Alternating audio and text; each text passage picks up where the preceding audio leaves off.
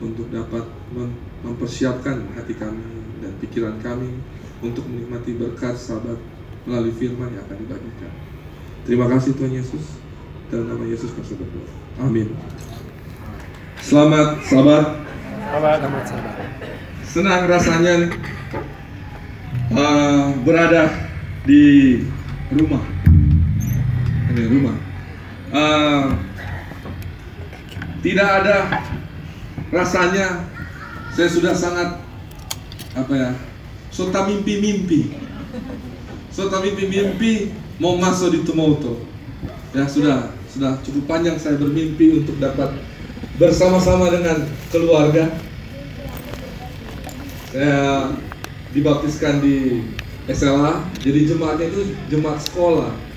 SLA Kompaso 2 Unklap dan Tumoto adalah adalah jemaat seutuhnya. Jadi saudara Giri bilang, eh kamu urus kepindahan. Woi, kasar itu.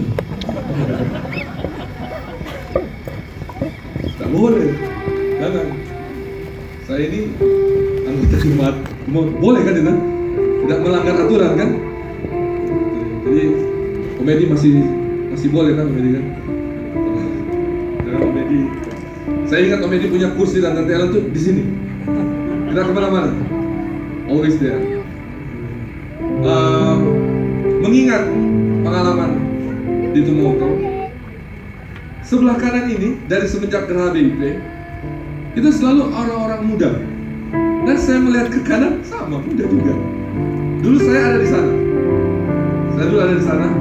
Saya dulu di sana dan kami pemuda dan ya, pemuda yang bersemangat melakukan pelayanan di dalam gereja ini. Luar biasa saya senang sekali.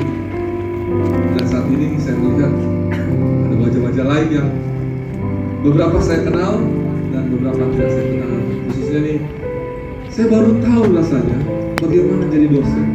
Pas lihat di bawah ini, oh ada student, ada mahasiswa kami.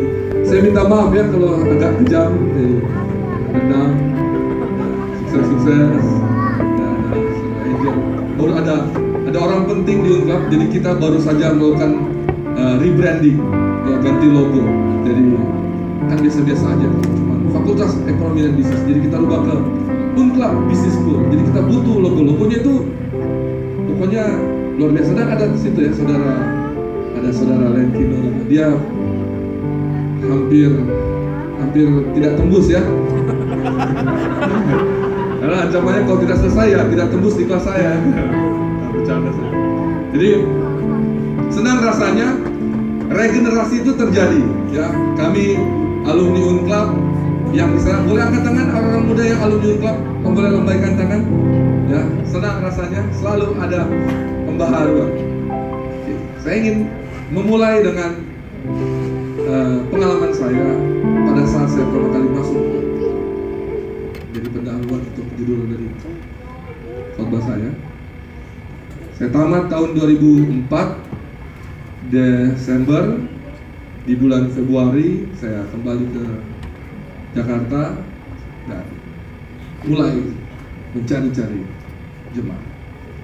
Dan satu kali ada sahabat saya Daniel Tapea dia mengajak ke Tumoto. Waktu saya masuk Tumoto, itu masih di Grabe ya. Saya, ih, berupa Pioneer Chapel ini. Kalau yang tahu Pioneer Chapel itu adalah gereja Lengkap, oh, lengkap sekali nih orang Manado di Jakarta di Jakarta tapi berlogat Manado. Cuma saudara Marvin Singer aja yang bahasa Manado jelek ya. Bahasanya sampai sekarang masih lemah.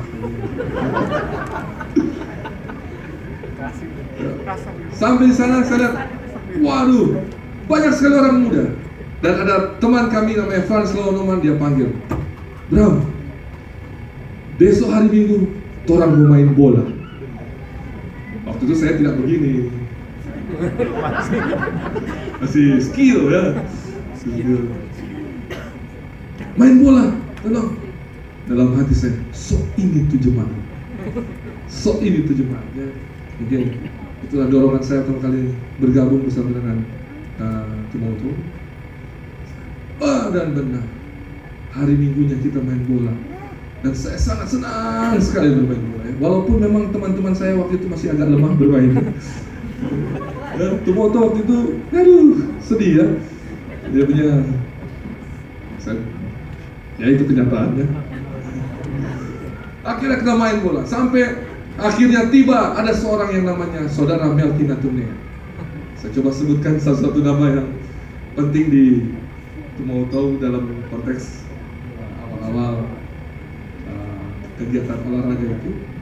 Dan akhirnya Melki bergabung, hampir menyerah dia. Semua bilang, semua pulang. Mana? Manokwari itu. Aduh kasihan Melki. Jangan. Dan akhirnya kami bersama-sama di kamar rusun Bidara Cina sana. Kami ada empat orang, eh ya empat orang satu kamar, ukuran yang tidak lebih dari 30 meter persegi.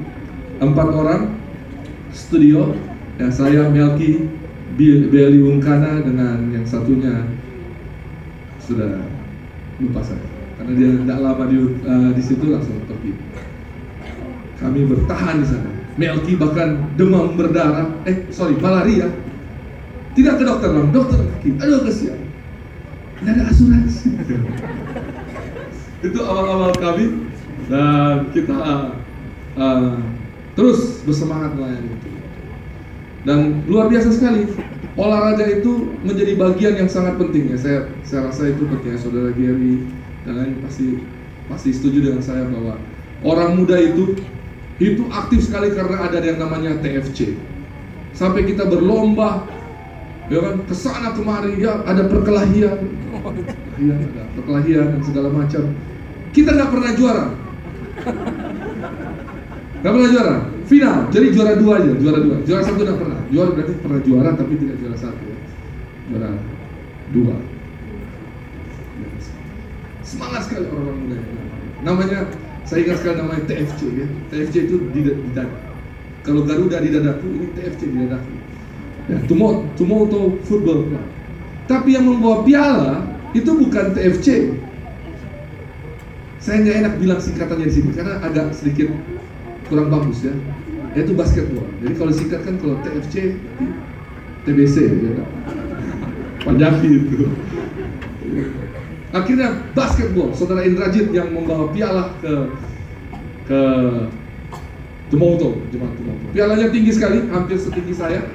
Dan itulah yang mereka bangga banggakan artinya jemaat ini sangat lekat dengan olahraga dengan atlet para uh, pecinta olahraga ataupun olahragawan itu sendiri. Makanya saya rindu ingin memberikan satu pekabaran dengan judul Home of the Athletes. Rumah dari para atlet. Asumsinya adalah di dalam ruangan ini kita adalah atlet adalah atlet yang sedang menjalankan perjalanan olahraga ya, masing-masing dengan tekniknya, skillnya dan segala macam. Saya coba mulai gitu. Ada nggak sih kata atlet itu di dalam Alkitab? Ada ternyata. Dan itu merupakan kata yang menjadi root ya, menjadi root untuk kata atlet itu sendiri. Anda boleh buka dalam 2 Timotius 2 ayat 15. Seorang olahragawan hanya dapat memperoleh mahkota sebagai juara apa apabila ia bertanding menurut peraturan-peraturan olahraga. Di bahasa Indonesia itu dibilang olahragawan. Ada beberapa terjemahan kalau Anda lihat ada yang menggunakan kata atlet. Tapi kalau saya lihat di bahasa Grikanya kan gampang sekarang ya. Kalau mau belajar Alkitab dengan bahasa asli, uh, perjanjian baru itu bahasa aslinya dengan bahasa, menggunakan bahasa Greka. Maka didapati ternyata olahragawan itu tersusun dari dua kata,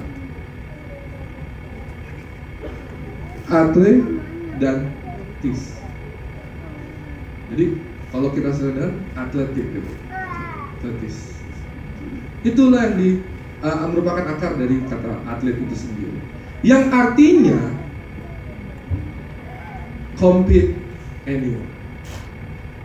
Kalau dia compete, artinya apa? Bersaing. Jadi kalau kita bicara atlet, kalau kita bilang membangun satu asumsi bahwa kita merupakan atlet, artinya hari ini kita sedang bersaing. Dengan siapa? Dengan siapa saja. Dengan siapa saja. Kita sedang bersaing dengan siapa saja. Kalau kita lihat atlet-atlet di uh, di luar negeri, negeri besar, maka akan muncul kalau di sini kan banyak mayoritas pemain bola ini pecinta bola ini. Saya pecinta AC Milan, garis keras, ultra. Walaupun sekarang lagi sedih, ya. sedang sedih. Akhirnya tidak tidak nonton bola kaki lagi, sudah. Pasti yang saya suka itu adalah Andy Shevchenko. Tapi saya sering dikonotasikan dengan namanya Gattuso. Karena agak brutal pada mainnya, ya. sesuai dengan postur.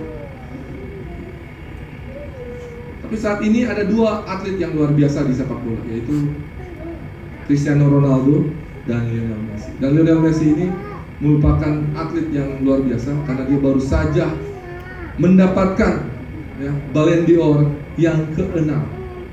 Betul ya? Yang keenam 2019. Jadi secara individu dia sangat hebat. Cristiano Ronaldo juga. Udah lima dia dapat Ballon d'Or dan punya semangat yang kuat, fisik yang hebat nanti. Tapi saya hari ini mau mau kupas tentang Michael Jordan. Biar saudara tadi agak nyambung di sini. Ini kolega saya ini. Kami sama-sama di kampus memberikan pengajaran yang moga-moga tidak menyesatkan. Uh, Michael Jordan itu adalah tokoh yang luar biasa dalam sepak bola. Dia dalam eh sorry dalam basket terima kasih banyak ya ini sudah sesat pertama dalam basket luar biasa sekali dia bahkan dia pernah menjadi cukup lama periode yang dia uh, dapati mendapatkan uh, atlet dengan penghasilan terbesar luar biasa dan di liga di NBA itu sebelum ada Michael Jordan itu ada namanya Larry Bird dan Magic Johnson. Dan Larry Bird dan Magic Johnson ini telah mengangkat kompetisi basket di Amerika dengan sangat smart. Tapi Michael Jordan dia mengangkat NBA dari nasional ke internasional. Luar biasa, iklan-iklannya sangat sangat sangat sangat besar. Bahkan sampai hari ini mungkin ada anak-anak yang pakai sepatunya tapi nggak tahu siapa dia. Ya kan? Air Jordan. Ya. Kalau anda tanya anak di bawah umur 10 tahun tahu Michael Jordan, nggak tahu. Tahu Air Jordan, tahu Air Jordan. Ya. Michael di Air Jordan. Dia bilang, kenapa? Karena loncatannya tinggi sekali. Michael Jordan, luar biasa. Seorang atlet yang hebat. Seorang atlet yang, yang begitu mempengaruhi dunia. Ditanya, diskusi, kok dia bisa jago sekali ya? Kenapa dia bisa? Ada salah satu seorang uh, pengamat bola basket mantan satu tim di di kampus di uh, waktu Michael Jordan masih di di college. Namanya Kenny Smith. Dia bilang gini saya belum pernah melihat seorang pemain basket yang sebegitu fundamental.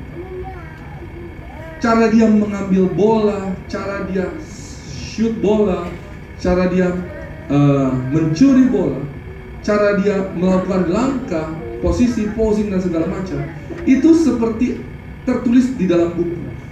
Benar-benar secara fundamental itu benar-benar luar biasa. Tekniknya dan segala macam dikatakan oleh Kenny Smith ini bahwa dia benar-benar uh, berbeda daripada yang lain. Oke, itulah bakat. Kedua apa? pernah dia wawancara dia bilang ditunjukin dia punya uh, tangan kalau ada dua kata uh, istilah ya the glove itu Peggy Payton salah satu Jordan dalam wawancara salah satu pelatih dari Jordan dia bilang yang paling berbahaya di, di, di bagian tubuh Jordan adalah tangan kenapa? karena tangannya itu seperti bisa menempel. Dan waktu pas di interview dengan Jordan dia tunjukkan tangannya dan memang antara jarak jari ini ke sini tuh kayak ada di sini gitu. ini jempolnya ada di sini. Jadi kalau lu kayak melahap bola itu. Jadi dia very easy to control tuh bola itu dia gampang itu itu udah ada gifted itu udah giftnya dia. Ya udah udah gift. Ada orang yang memang dia orang baik-baik. Kalau saya kan enggak, saya enggak mungkin saya. Terus kalau ditanya Bram itu apa? Wah pasti kalau kita pakai mind mapping, Bram, pambaku sedu, ya kan? heboh, suara keras, apa lagi? Banyak kan? Jadi saya nggak punya konotasi yang yang cukup dibilang wah manis manis. Gak ada. Tapi kalau Michael Jordan memang sudah, memang sudah di, diberkati memang bagus baik-baik sekali. Jadi kalau bilang mungkin siapa? Ya? Johnson. Johnson kalau main main mapping apa? Pendiam, kalem, tenang. Wah itu udah udah ada udah ada udah ada berkat lah, udah ada gift lah. Coba gitu dia baik-baik sekali dia. Jadi gampang kalau mau jadi orang baik. Mau jadi orang baik Tapi yang paling penting adalah Michael Jordan sebelum orang masuk ke dalam dan sebelum mereka uh, apa persiapan latihan fisik dan masuk ke gym Michael Jordan selalu orang yang pertama di dalam dan keluar terakhir pada saat gym. Dia selalu mempersiapkan dirinya untuk uh, menghadapi pertandingan terakhir. Bahkan pada saat latihan, salah satu temannya bilang gini, kalau anda nonton latihan dengan nonton pada saat pertandingan, anda akan melihat the best Jordan in practice dibandingkan dalam dua kondisi dia melakukan lebih baik, lebih hebat pada saat latihan dibandingkan waktu tadi. Pertama, apa namanya? Persiapan. Persiapan itu penting. Kalau kita buka ke dalam 1 Korintus 9 ayat ayat 1 tadi kita tadi di bagian 27. Tetapi aku melatih tubuhku dan menguasainya seluruhnya supaya sesudah memberikan Injil kepada orang lain jangan aku sendiri tolak.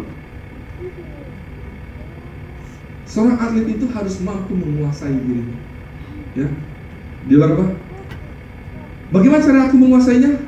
Harus aku latih. Ada video saya tadi minta tolong bisa dilihatin video. Boleh?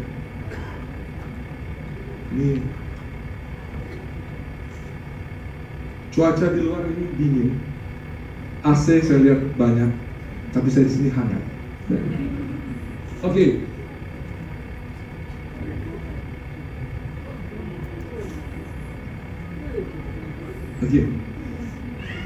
Kalau anda lihat itu boleh diulang sekali lagi. Kalau anda lihat itu, itu adalah anak saya yang paling tua.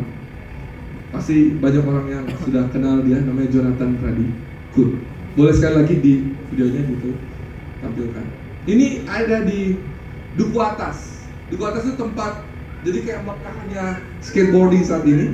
Jadi banyak yang bermain di sana. Jarak tangganya itu cukup lebar dan tingginya ya cukup tinggi lah. Tapi Kun dia bisa loncat itu uh, first try. Dia datang tunggu. Saya bikin slow motion supaya kelihatan bahwa dia punya apa ya tekniknya itu luar biasa Sampai waktu pas dia loncat, ini anak umur 9 tahun loh. Waktu dia loncat, pak, itu semua orang-orang gede itu yang di sekitarnya anak-anak skate itu tepuk tangan, oh, kagum lihat. Bahkan saya pergi ke skatepark skatepark yang ada di Jakarta, banyak yang sangat kaget melihat dia ya menurut saya sih yang kun itu berbakat ya. artinya secara fundamental dia tapi kalau nggak latihan, kalau nggak latihan, itu nggak akan pernah bisa. Dan cara latihannya itu, dia itu loncat dari tangga yang tinggi gapnya tangganya itu setinggi itu. Dan bedanya cuma setinggi ini. Terus loncat, loncat, udah lancar, naik, terus. Dan itu hampir setiap hari Saya antar dia ke skatepark di Manado itu. Itu hari Senin. Hari apa lagi? Eh sorry, hari Senin apa Selasa? ya? Senin, eh, Senin, Kamis dan malam Minggu. Selain itu, karena Unclub itu penuh dengan ya gedung yang segala luas gitu ya, lapangan basketnya apa, tiap hari dia main. Jadi Anda bisa bayangkan untuk meloncat seperti itu, itu bukan butuh satu minggu baru jadi. Itu kalau satu minggu belajar, dia loncat patah tujuh itu. Kalau ada skateboard saat ini, saya bisa ajak kalian yang belum pernah naik skateboard naik papannya. Dan sangat sulit untuk dikendalikan. Sangat sulit untuk dikendalikan. Syarat utama untuk memenangkan pertandingan itu adalah 1 Korintus 9 ayat 27. Tetapi aku melatih tubuhku dan menguasainya seluruhnya. Pun dapat mengontrol papan itu melekat di kakinya oleh karena dia latihan. Dia terus berlatih, terus berlatih, terus berlatih. Bahkan saat ini dia bisa meloncat dengan itu dengan papannya diputar, namanya kickflip ini. Papannya terputar, dia sambil meloncat. Plak. Bahkan dia bisa putar badannya di udara, kayak frontside segala macam di udara. Melakukan hal-hal trik-trik yang it, apa ya agak sulit. Dan hal itu bisa dilakukan oleh karena dia melatih diri. Roma 5 ayat 4 dan ketekunan menimbulkan tahan uji dan tahan uji menimbulkan pengharapan. Gak ada kata lain. To be athlete, we have to practice. Dan gak ada kata lain. Praktis itu cuma dua kali. No. Banyak kali. Banyak, banyak, banyak kali. Dan kalau kita biasa olahraga, kita kenal dengan namanya repetition. Diulang, diulang. Kalau kita mau lay up, step pertama kali kalau kita tangannya memang kanan, berarti kita step step upnya dari eh kita stepnya pakai kaki kanan ya. Ulang. Tep, satu dua up. Satu dua up. Dan itu nggak cuma 10 kali baru selesai. Memang sampai lelah. Nah itu yang harus kita lakukan. Dan dalam kehidupan Kristen kita, we have to practice our faith. Berbuat baik itu bukan sekali datang. Berbuat baik itu adalah bagian dari tabiat. Dan tabiat itu harus dibangun. Hari, hari, hari, hari, hari. Kadang-kadang sampai lelah. Kadang-kadang ada kata-kata gitu, oh sudah kita jadi orang baik. Eh, kalau kita ditip, lagi bisnis ditipu 1 M, eh, 2 M, 10 M. Aduh, lelah kita jadi orang baik, lebih kita jadi orang jahat. Ya, Kata-kata begitu. No, kita harus terus kerja. Malcolm Gladwell dalam bukunya Outliers, dia bilang apa? Ada yang namanya 10,000 hours rule. Kalau kita mau jadi expert dalam satu bidang, we need to spend more than 10,000. 10 ribu jam. Kalau Anda mau jadi expert di dalam uh, sebelum saya jadi dosen, jadi kerja di oil and gas. Kalau Anda ingin ahli dalam industri itu, Anda paling kurang kerja lebih dari 10 ribu. Nah, saya belum belum nyampe 6, 6 tahun. Jadi belum bisa dikatakan expert. Apalagi jadi dosen, belum baru tiga tahun setengah. Belum. Jadi belum expert. Kata maupun Gandhi itu dalam bukunya uh, Outliers, dia bilang harus lebih dari itu. Jadi bisa anda bayangkan berapa lama itu ya? Sampai hampir, hampir 10 tahun ya. Coba dihitungin. Lama untuk menjadi seorang. Untuk menjadi orang yang ahli lama. Kita harus mengulang-ulang. Jangan pernah lelah. Tapi itu nggak cukup. Kalau kalau anda baca di artikel, jurnal dan segala macam, ini bukunya cukup dikritik bahwa nggak juga kalau ada orang yang berbakat ya dia kurang dari sepuluh ribu Terjadi gitu. Kun itu dibandingkan dengan teman yang suka main, Kun baru belajar satu tahun lewat, yang lain udah tiga tahun, tapi dia udah lebih jago. Nah itu faktor bakat ataupun apa segala. Tapi dalam kesan itu nggak cukup. Kenapa? Karena itu yang disebut dengan legalistik. Mengandalkan diri. Mengandalkan kehebatan. Kita kok memang orang baik. Ya, seperti anak muda yang datang kepada Kristus. Apa yang kita mesti backing? Tuhan bilang, Eh, Tuhan. Kita sobeking sama. Kita sobeking semua.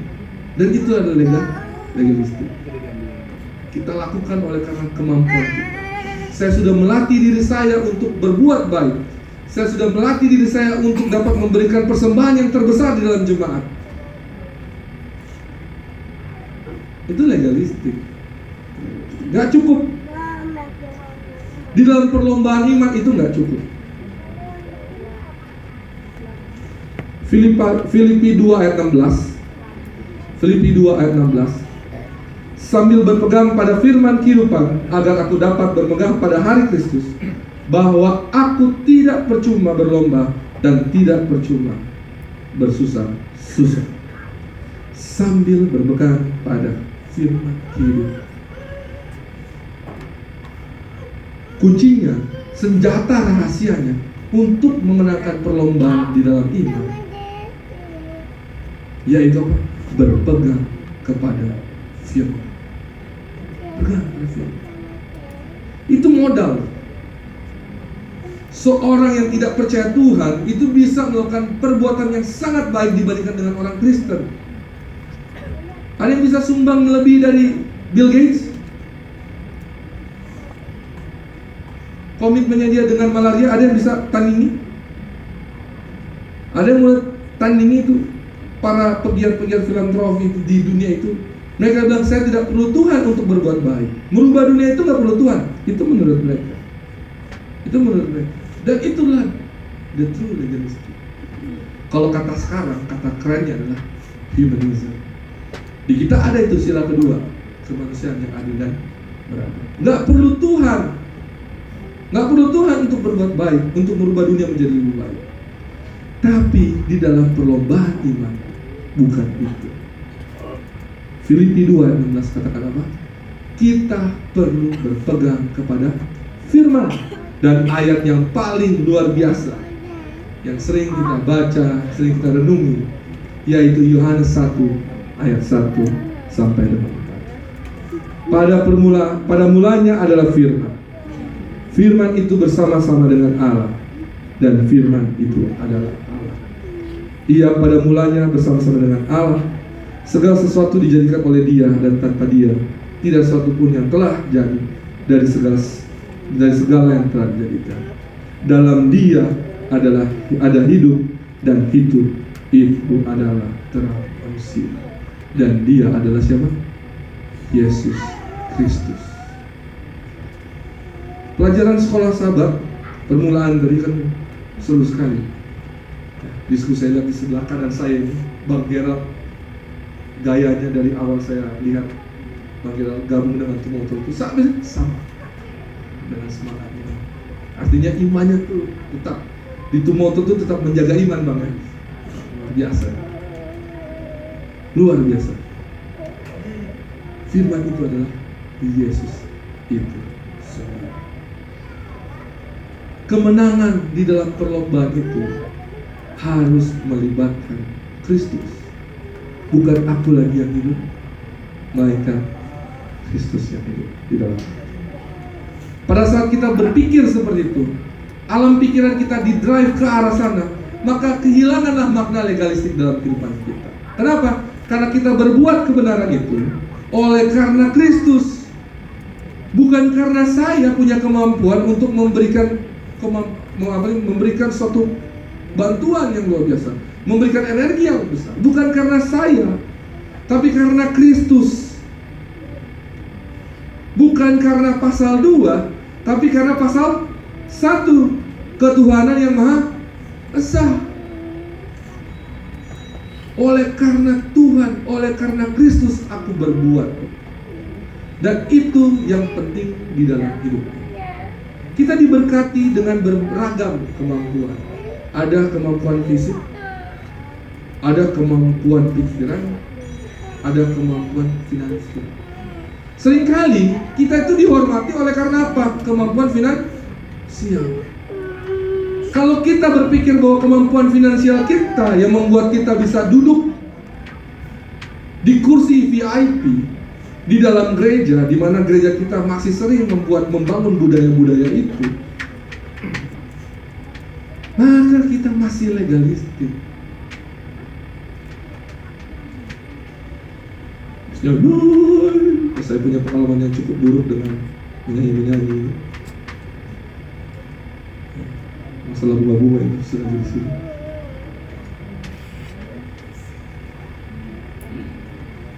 Kalau kita melayani Tuhan dan masih tanya, mantap cuy. Bagaimana itu? Boleh, boleh, boleh, boleh. Ah. Itu kalau bisa dikoreksi. Dan itulah inti utama. Uh, Bapak kita saat ini sudah setengah jam, enggak belum, masih 20 menit. Saya itu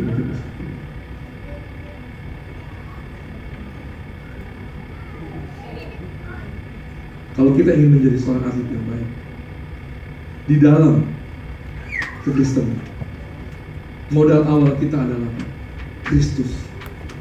Kalau kita sudah miliki Kristus itu, kalau kita sudah tahu apa yang kita lakukan hanya untuk kemuliaan Kristus, kemuliaan Tuhan, maka kita latih apa yang kita miliki, yang kita mampu. Kalau Anda seorang pelayan penyanyi, Anda berlatih menjadi penyanyi yang baik untuk memuliakan namanya.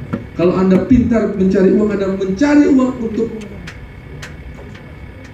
untuk pelayanan. Maka itu